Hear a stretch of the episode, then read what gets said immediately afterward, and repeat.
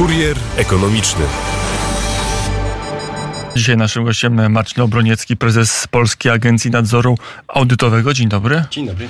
E, panie prezesie, to zacznijmy od samej nazwy, bo instytucja, która nie wryła się każdemu z nas w pamięć, bo od niedawna funkcjonuje. Tak, od 3,5 roku, troszkę więcej. No.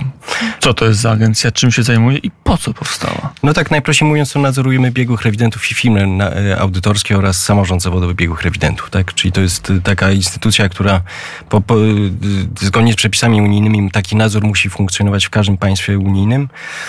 Natomiast w roku 19, kiedy była zmiana ustawy o biegłych rewidentach, została podjęta decyzja, że ten nadzór musi być wyodrębniony. Wcześniej był, funkcjonował w ramach Ministerstwa Finansów, ale żeby, żeby on był jak trochę silniejszy, żeby bardziej zasobny kadrowo, no to został wyodrębniony właśnie z Ministerstwa Finansów. I teraz działa osobno. To nie jest, to, to nie zrzesza rewidentów, to ich kontroluje, to tak. ich patrzy, czy wykonują dobrze swoje obowiązki. Tak jest jakie jest znaczenie odpowiedniego funkcjonowania audytu dla gospodarki?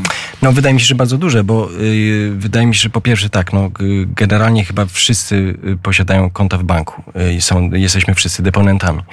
Yy, po drugie, yy, generalnie większość, jeżeli nie wszyscy również, to posiadamy jakieś oszczędności emerytalne, tak? Więc tutaj również, czy niezależnie czy to jest y, no tak jako y, PPK, czy, czy OFE kiedyś oraz inne, inne instrumenty, niektórzy również inwestują bardziej aktywnie, czyli na przykład posiadają akcje. No, generalnie y, y, to są audyty, sprawdzają w imieniu laików, tak? czyli osób, które się nie znają na finansach, nie znają się na, na podatkach, nie znają się na, na ekonomii generalnie, ale też y, szerzej na takich dosyć hermetycznych aspektach rachunkowości.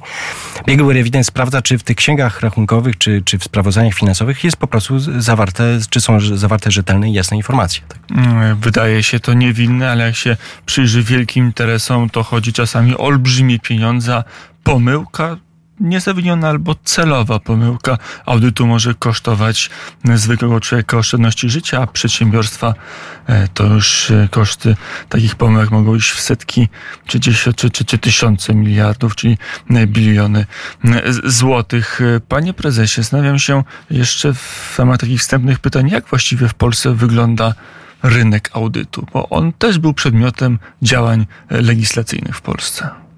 No, y, u nas y, dosyć dużo firm audytorskich y, funkcjonuje, bo ponad półtora tysiąca w przypadku dwóch trzecich, trzech czwartych, to zależy oczywiście od roku, są to jednoosobowe działalności gospodarcze, czyli to są takie mniejsze firmy audytorskie.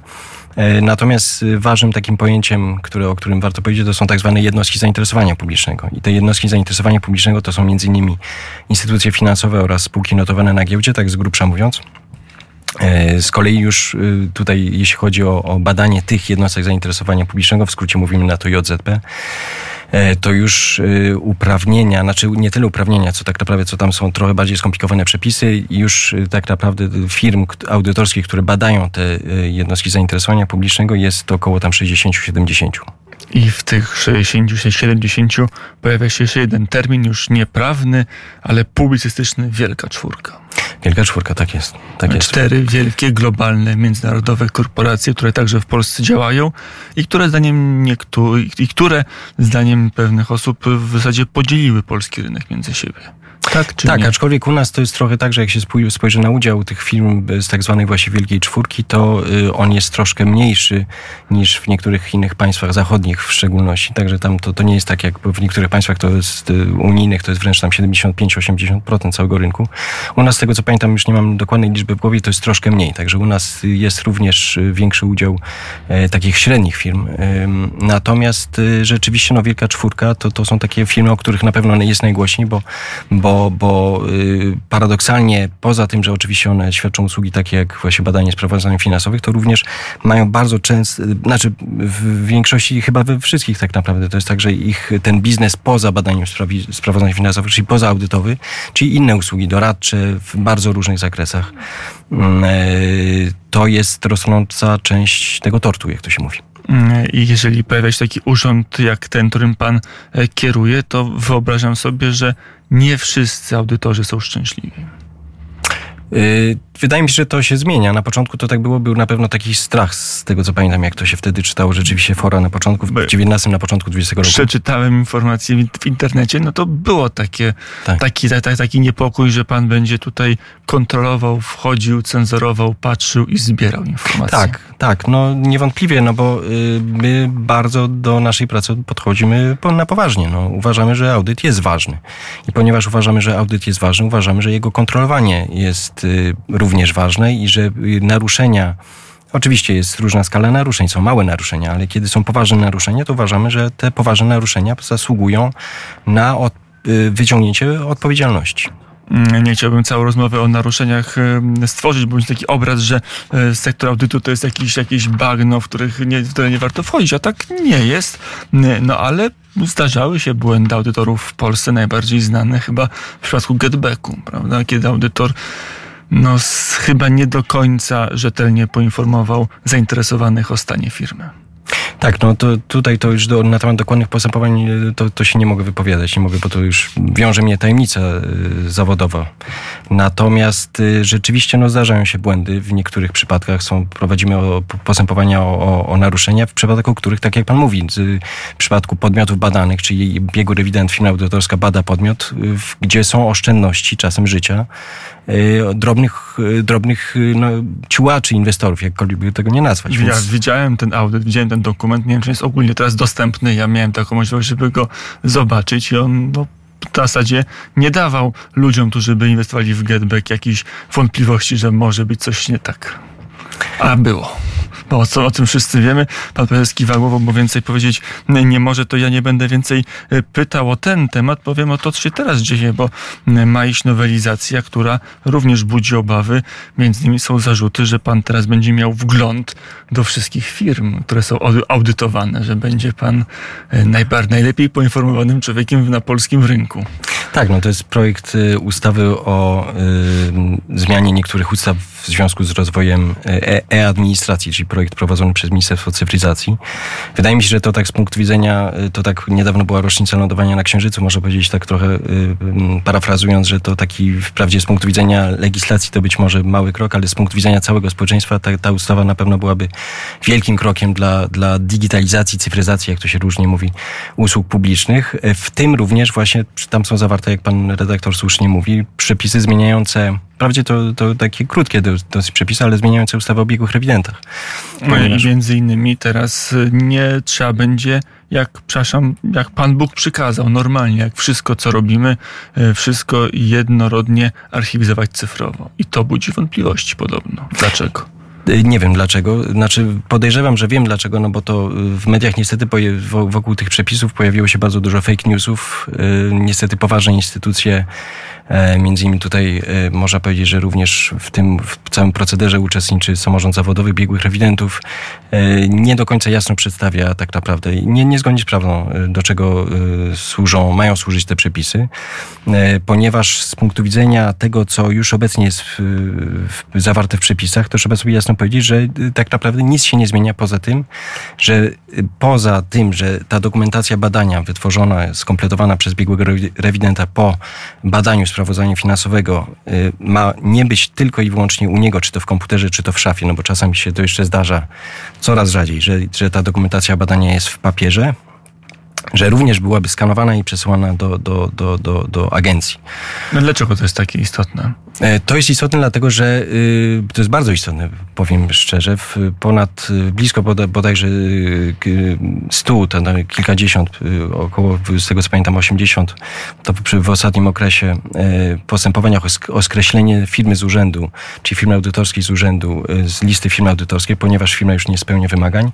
Ustawa mówi, że taka firma, która się skreśla, która jest skreślana, powinna przekazać dokumentację badania do, do agencji blisko, jeżeli nie, bo to zależy od okresu, albo to jest blisko 100%, albo w 100% w niektórych okresach nie, y, przypadków nie otrzymujemy tej dokumentacji z badania.